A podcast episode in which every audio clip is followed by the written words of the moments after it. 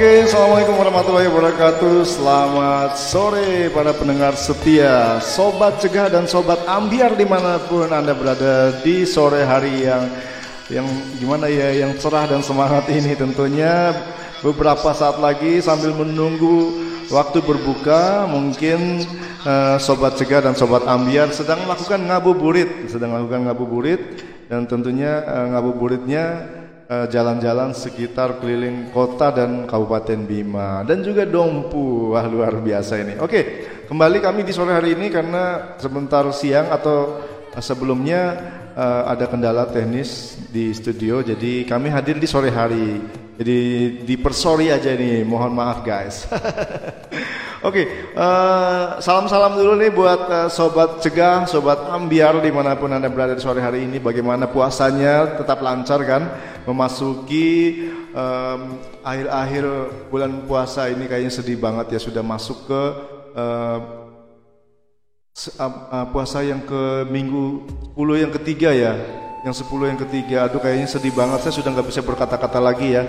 Jadi apa apa aja yang sudah kita lakukan di bulan puasa? Apakah kita sudah mampu menahan emosi menahan ego dan juga menahan menahan hal yang yang yang macam-macam lah yang bisa mengganggu eh, kualitas ibadah puasa kita. Selain itu juga kita menahan lapar dan juga dahaga. Oke by the way buat kalian yang sudah menahan lapar dan juga menahan dahaga di sore hari ini tentunya eh, tetap semangat ya mengikuti siaran kami.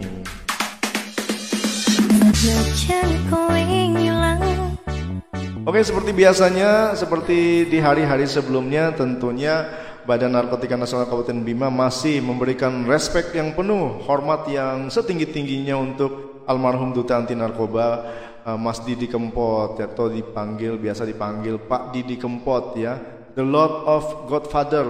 Jadi eh, the God of Father of Broken Heart-nya Indonesia dan juga Indonesia khususnya luar negeri luar biasa. Oke, jadi eh, semoga eh, kita bisa mengirimkan doa ya untuk duta anti narkoba. Oke, tema kita di sore hari ini tidak jauh-jauh dari anti narkoba juga, seperti yang selalu disemarakan oleh eh, the Lord of Broken Heart, the God of Broken Heart gitu ya. Eh, rajanya Broken Heart yaitu almarhum Didi Kempot selalu mengatakan biarlah narkoba itu ambiar gitu ya. Jadi selalu menyampaikan ke generasi muda, ke generasi-generasi ambiar itu ya, generasi muda sobat sobat-sobat ambiar yang di mana fansnya Didi Kempot ini sangat luar biasa banyak sekali. Oleh karena itu fansnya ini rata-rata anak muda. Oleh karena itu kita mengambil tema di sore hari ini Bagaimana kita mencegah perkembangan narkoba di kalangan tingkat remaja? Tentunya remaja adalah usia-usia emas ya, usia-usia yang sangat berharga, usia di mana eh, generasi-generasi milenial ataupun di usia remaja ini sangat dibutuhkan atau sedang mencari jati diri, sedang mencari atau mencoba-coba hal yang baru. Oleh karena itu, eh, pesan kami dari Badan Narkotika Nasional tentunya jangan coba-coba deh untuk kenal yang namanya narkoba. Karena narkoba itu sama saja kalian suicide atau bunuh diri. Kalau kalian berani mencoba narkoba itu artinya kalian sudah mengakhiri masa depan kalian mengakhiri hidup kalian. Ingat narkoba itu tidak ada gunanya sama sekali. Narkoba hanya merusak masa depan kita semua. Jangan coba-coba atau jangan sekali-sekali dekat yang namanya narkoba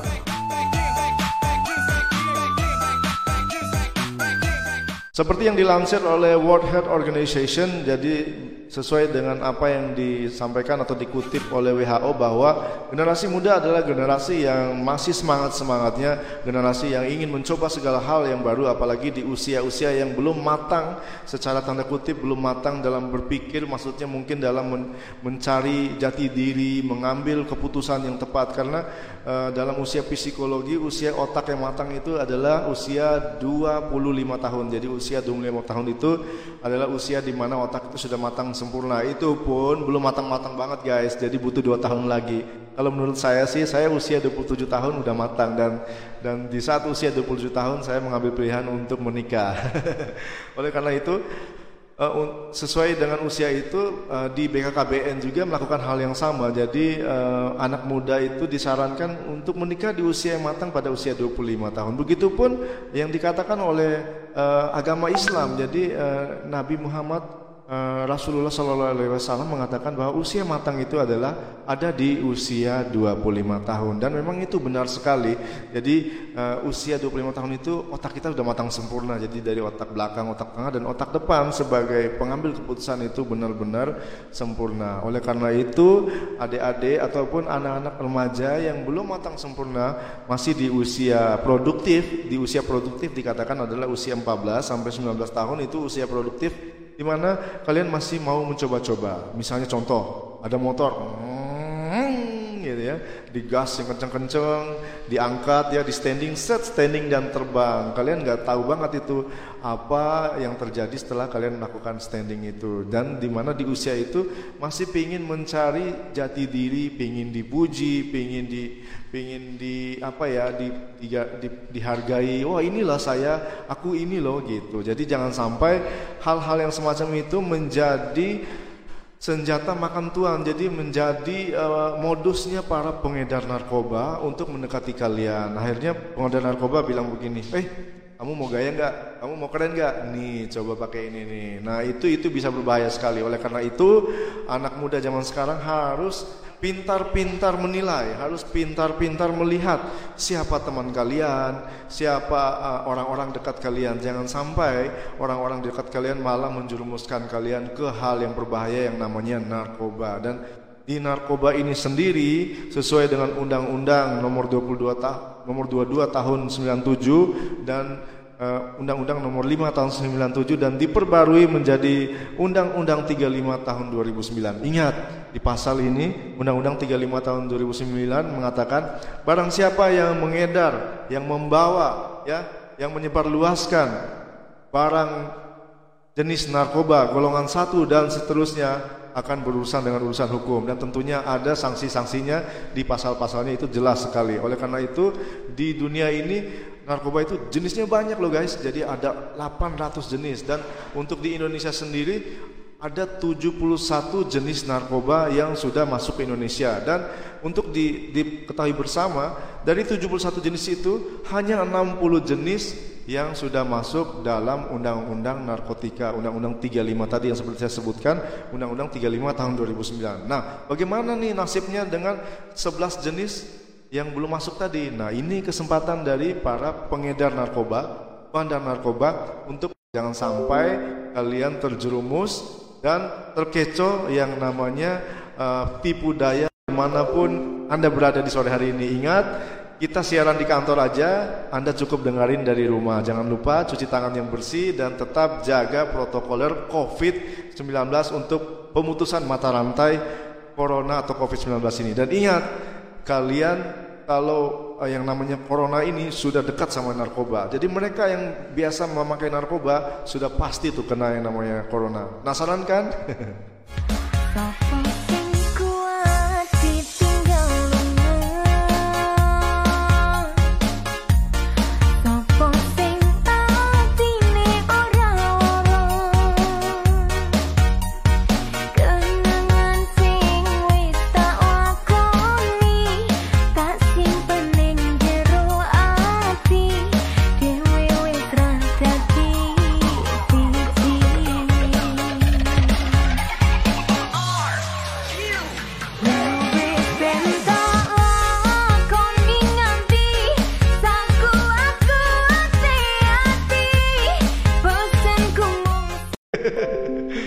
dengerin aja siaran BNN ya. Jadi yang jelas siaran teman-temannya jangan sampai teman dekat menjerumuskan kalian ke hal-hal yang berbahaya seperti narkoba. Ingat, narkoba yang ada di Indonesia ini baru 71 jenis dan baru masuk dalam undang-undang itu 60 jenis aja.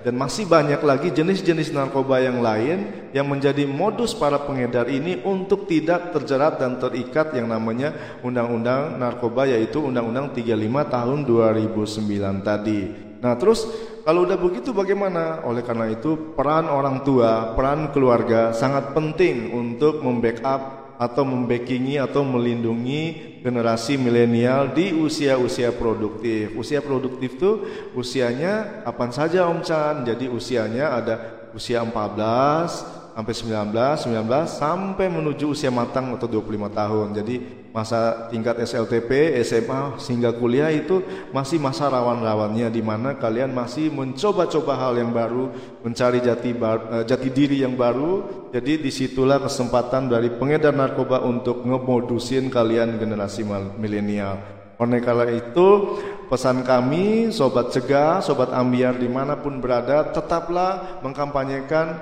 uh, hidup sehat ya, empat sehat lima sempurna, hidup sehat tanpa narkoba.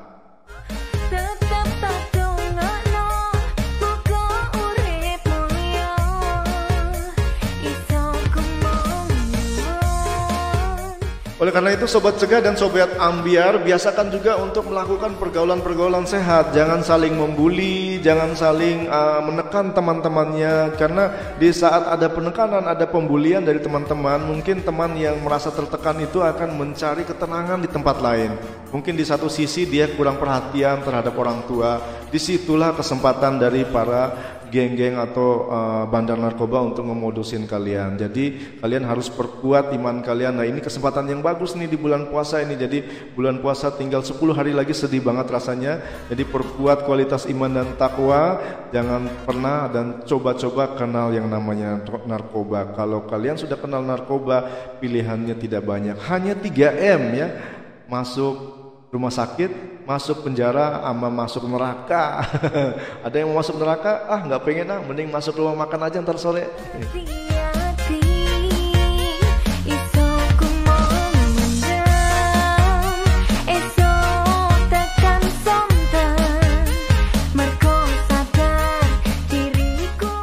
Selain itu juga buat kalian yang sedang menjalin hubungan nih, yang menjalin hubungan, jadi biasa ya anak-anak muda zaman sekarang itu saling kenal ya, pria dan wanita itu ya menjalin hubungan asmara. Ini ini sebenarnya itu masih cinta-cinta monyet aja, nggak usah terlalu percaya, nggak usah terlalu diserahin hatinya, nanti ada masanya sendiri. Begitu kalian udah baru mengenal cinta, tiba-tiba sepenuh hati, habis itu ditinggal pas lagi sayang-sayangnya, lagi jeru-jerune, seperti kata Didi Kempot, terus kalian putus asa, akhirnya kalian mencari pelampiasan dan pelarian. Itu nggak banget deh. Jadi sebaiknya jangan sampai walaupun kalian dihianati bekas pacar atau mantan, ingat mantan itu cuman botol bekas nggak usah dipakai lupain aja ya tapi jangan sampai kalian pelariannya ke narkoba jadi intinya perkuat kualitas iman dan takwa kita sebagai generasi muda, generasi milenial, harapan bangsa, jangan sampai kenal yang namanya narkoba.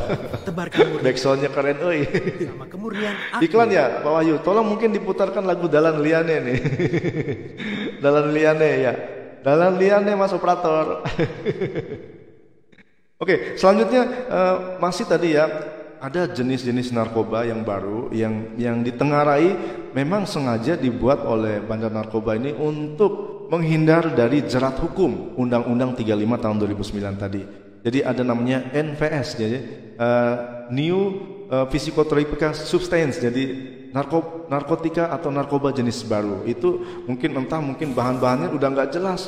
Dari mungkin dicampur ini dicampur itu jadi akhirnya jadi racun. Ingat kalian mau mau nggak diracunin? Mau nggak? Sementara masa muda kalian karir kalian masih panjang. Ingat hidup hanya sekali. Jangan sampai kalian sia-siakan hanya untuk hal-hal yang tidak berguna. Dan ingat narkoba ini sama sekali nggak banget deh pokoknya nggak berguna banget untuk kalian saran kami dari BNN Kabima Badan Narkotika Nasional Kabupaten Bima tetap mengkampanyekan anti narkoba, empat sehat, lima sempurna, hidup sehat tanpa narkoba.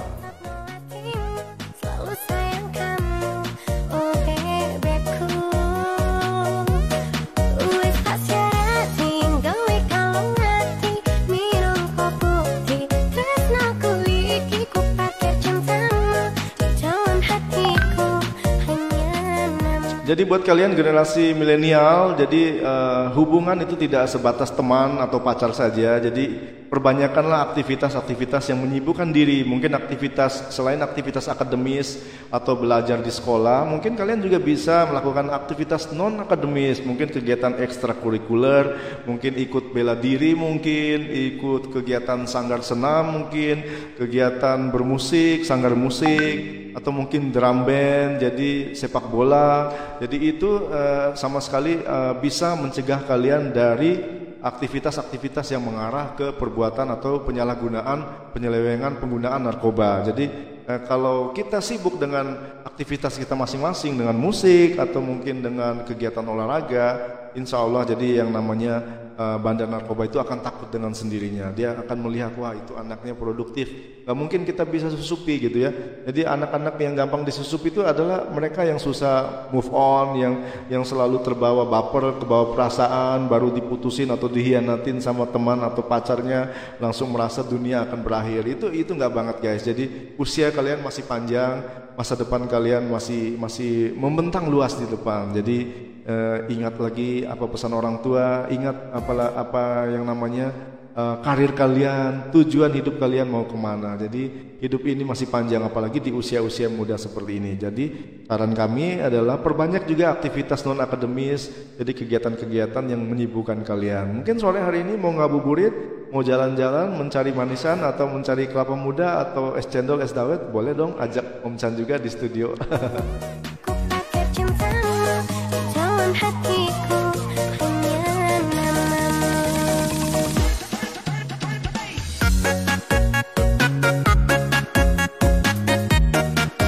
melalui kesempatan, eh, kesempatan ini juga kami dari Badan Narkotika Nasional Kabupaten Bima menyampaikan kabar yang bagus nih. Jadi di BNN RI itu ada namanya Reyan Rumah Edukasi Anti Narkoba.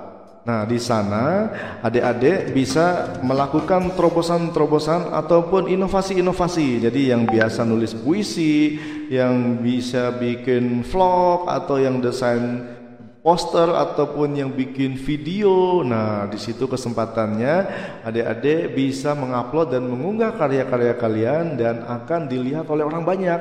Siapa tahu nanti karyanya jadi viral dan akan mendapatkan juara. Seperti eh, teman kita yang ada di Purbolinggo baru saja mendapatkan sebuah smartphone canggih hasil dari eh, aktivitasnya melakukan desain poster anti narkoba. Apa itu Min? Pos- Posternya masker ya? Masker anti narkoba. Masa depan keren, tegah narkoba. Keren kan?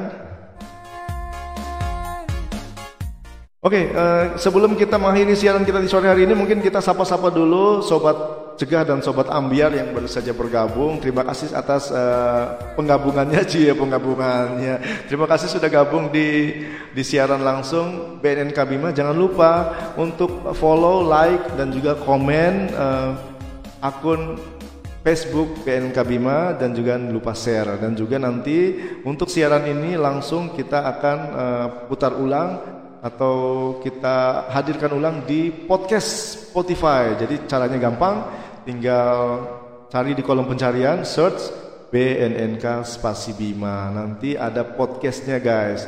Jadi kalian juga bisa komen-komen juga di sana. Nanti komen yang paling bagus, komen yang paling aktif dan juga menarik, kami akan kasih hadiah insya Allah. Oke, demikian mungkin dari kami di sore hari ini karena mengingat eh, jadwal Om Chan sebentar lagi mau ngabuburit guys, mau cari es cendol dawet dan es kelapa muda. Soalnya sudah ditunggu sama Pak Kepala BNK Bima di sana eh, mau nyari es cendol dawet. Oke, salam-salam dulu buat rekan-rekan yang ada di seluruh BNNK eh, Kabupaten Sumbawa Barat, BNK Sumbawa Besar, BNK Mataram dan juga BNK Dompu dan yang terlebih khusus rekan-rekan yang ada di BNK Bima. Salam hormat dan Terima kasih atas apresiasi dari Kepala BNK Bima, Pak KBP Huli Nugroho SMH dan juga salam hormat dan matur sukma untuk Bapak Jenderal eh, Bapak Brigjen Pol Dr. Andus IGD Sugianyar Dwi Putra. Terima kasih atas kesempatannya. Semoga tetap sehat dan sukses selalu, semangat semakin bersinar untuk eh, rekan-rekan di Badan Narkotika Nasional. Demikian mungkin siaran kita sore hari ini karena mengingat waktu waktu ngabuburit guys. Sampai jumpa lagi di siaran-siaran langsung kami, siaran online kami lain waktu dan kesempatan. Terima kasih atas eh, partisipasinya. Ingat sobat cegah, sobat ambiar, tetap semangat, empat sehat, lima sempurna, hidup sehat tanpa narkoba. Saya, kamu, kita semua